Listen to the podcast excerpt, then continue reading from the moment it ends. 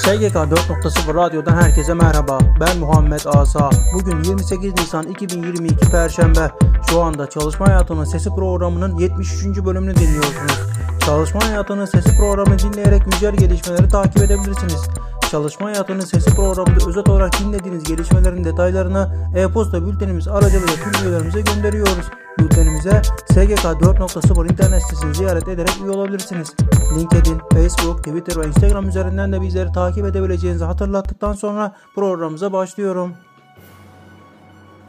Resmi Gazete Türkiye Cumhuriyeti Hükümeti ile Ukrayna Hükümeti arasında sağlık alanında hibe yapılmasına dair anlaşmanın yürürlüğe girmesi hakkında karar resmi gazetede yayınlandı.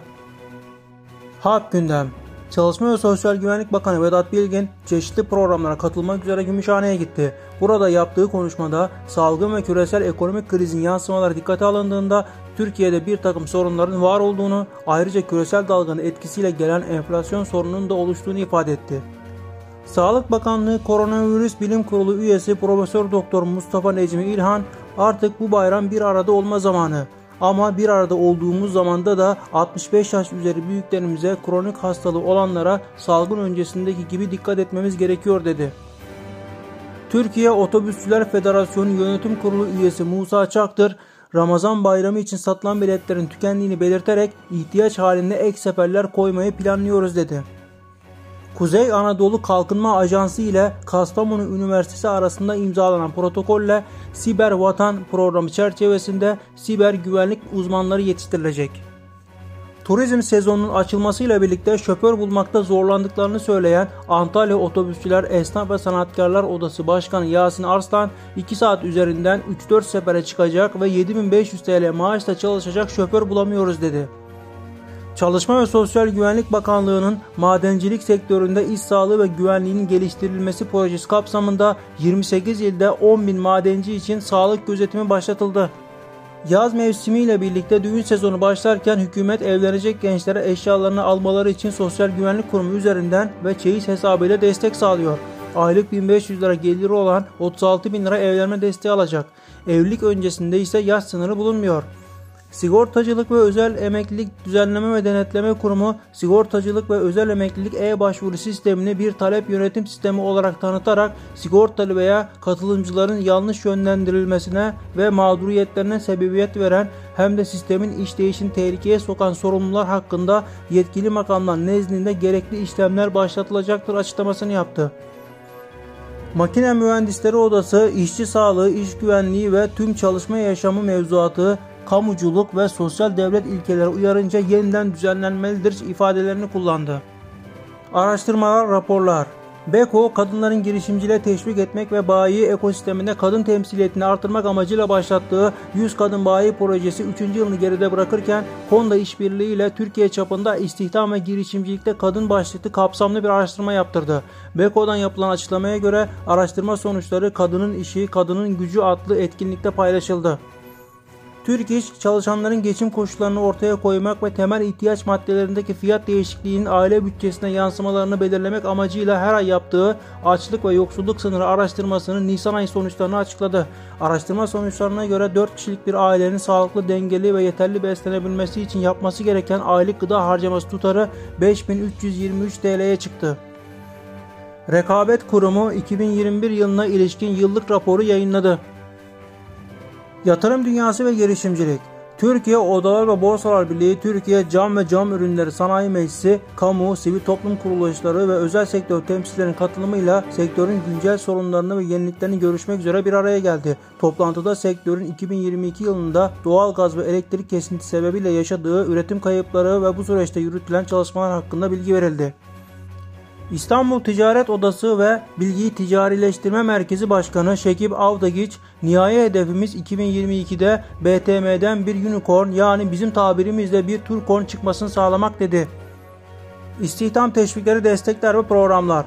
COSGAP Başkanı Hasan Basri Kurt, KOBİ enerji verimli desteğinin hem ülke ekonomisine katkı sağlayacağını hem de daha verimli imalatın önünü açacağını belirterek sanayi odalarından, organize sanayi bölgelerinden sağdan çok olumlu tepkiler var.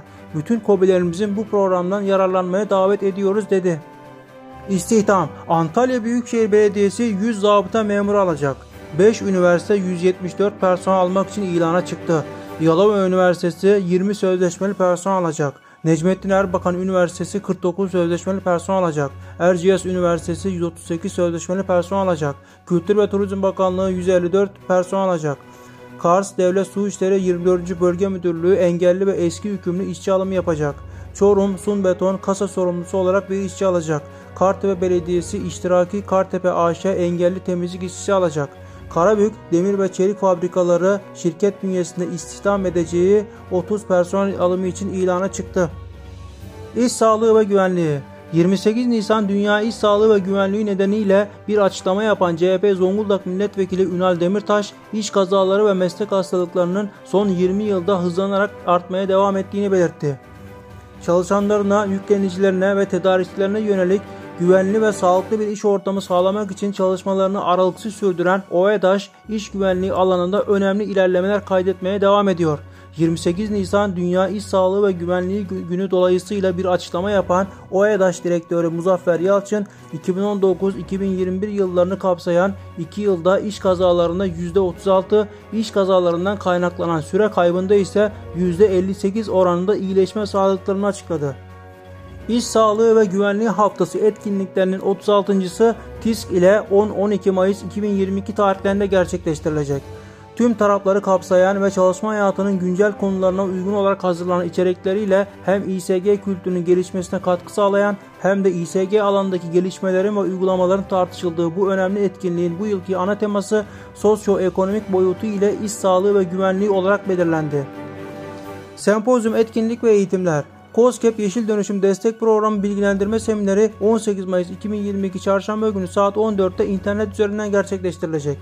Bursa Ticaret ve Sanayi Odası Nisan ayı olağan meclis toplantısı Oda Hizmet Binası'nda gerçekleştirildi. Bursa Ticaret ve Sanayi Odası Yönetim Kurulu Başkan Yardımcısı İsmail Kuş, COSGAP'in yurt dışı iş gezilerine katılan firmalar için destek limitlerini arttırdığını belirterek küresel ölçekte ortaya çıkan fırsatlar ve firmalarımıza sunulan yeni desteklerle ihracat hedeflerimize ulaşacağımıza inanıyorum dedi.